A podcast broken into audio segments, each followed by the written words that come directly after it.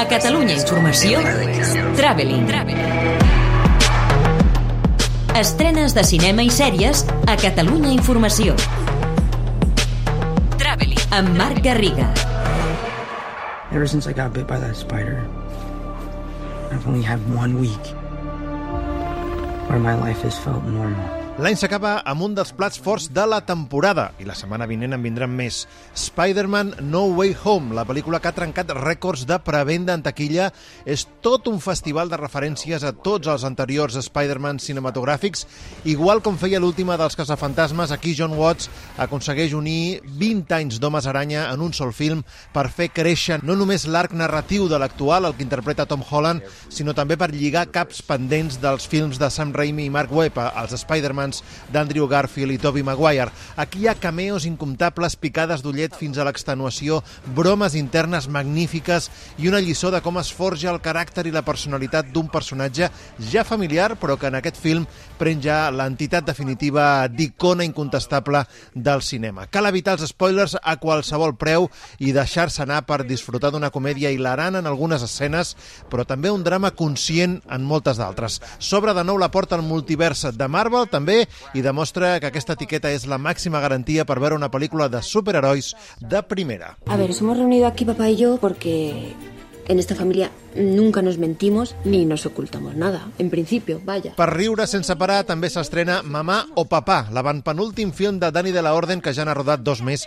mentre esperava que aquesta arribés a les sales. És un remake d'una idea original francesa, però el director català li atorga la seva empremta més gamberra per retratar una parella en procés de divorci que vol que els fills es quedin amb l'altre per poder fer un viatge que els realitzarà professionalment. Despiadada, implacable, amb dos monstres de la comèdia al capdavant, Paco León i Mir Miren i Barguren, amb una química incontestable, torturen els seus fills en la ficció més enllà del que és políticament correcte, cosa que s'agraeix. Al final, l'objectiu, com ens deia el director a Catalunya Informació, és normalitzar el divorci, que ja és la realitat de moltes famílies. I l'extraordinari és que vagi bé un matrimoni. Llavors ens han educat que no, que l'ordinari és que vagi bé i el fora de la norma o el que no hauria de passar és el divorci. Com jo a la meva nòvia li dic, des del dia que ens vam enamorar eh, hem començat a escriure el fil de la nostra relació. I potser la pel·lícula aquí es queda en medio gas, no? Però el que no volia era acabar en... acabar un juntos ni res.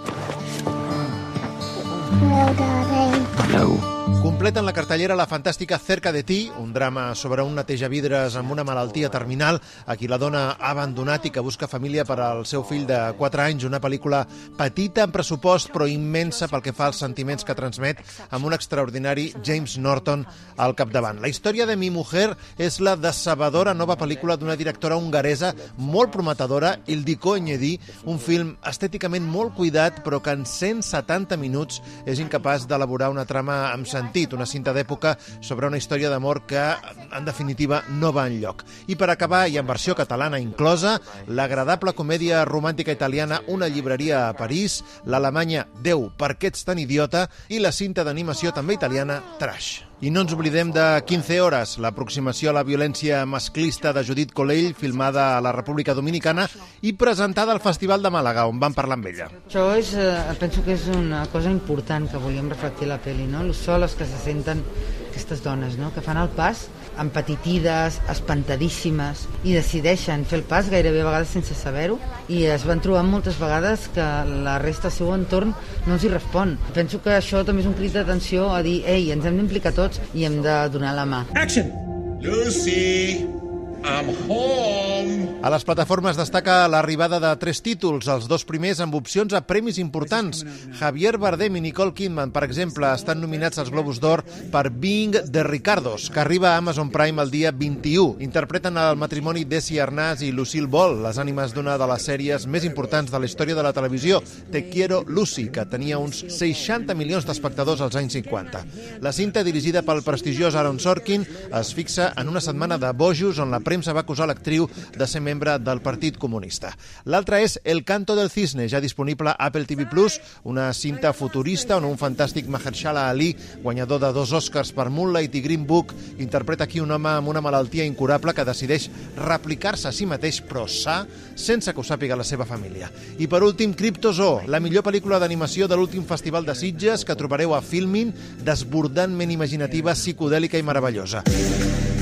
La vocación, no sé, de un policía policía es La calle. Pel que fa a les sèries, destaca l'absurda comèdia espanyola d'HBO Sin Novedad, que s'estrena el dia 19, una adaptació d'una producció australiana on dos policies, aquí Carlos Areces i Arturo Valls, fan guàrdia en una vigilància nocturna on en principi no passa res, mentre dues noies estan a la central esperant notícies i dos traficants esperen l'arribada d'una partida de droga. Irregular però entretinguda.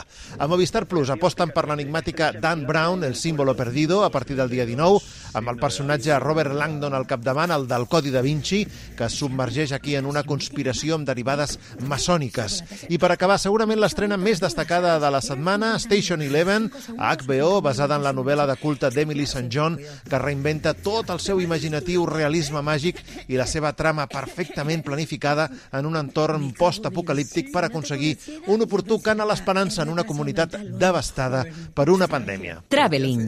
Estrenes de cinema i sèries a Catalunya Informació, amb Marc Garriga. Hugo 72 sin novedad.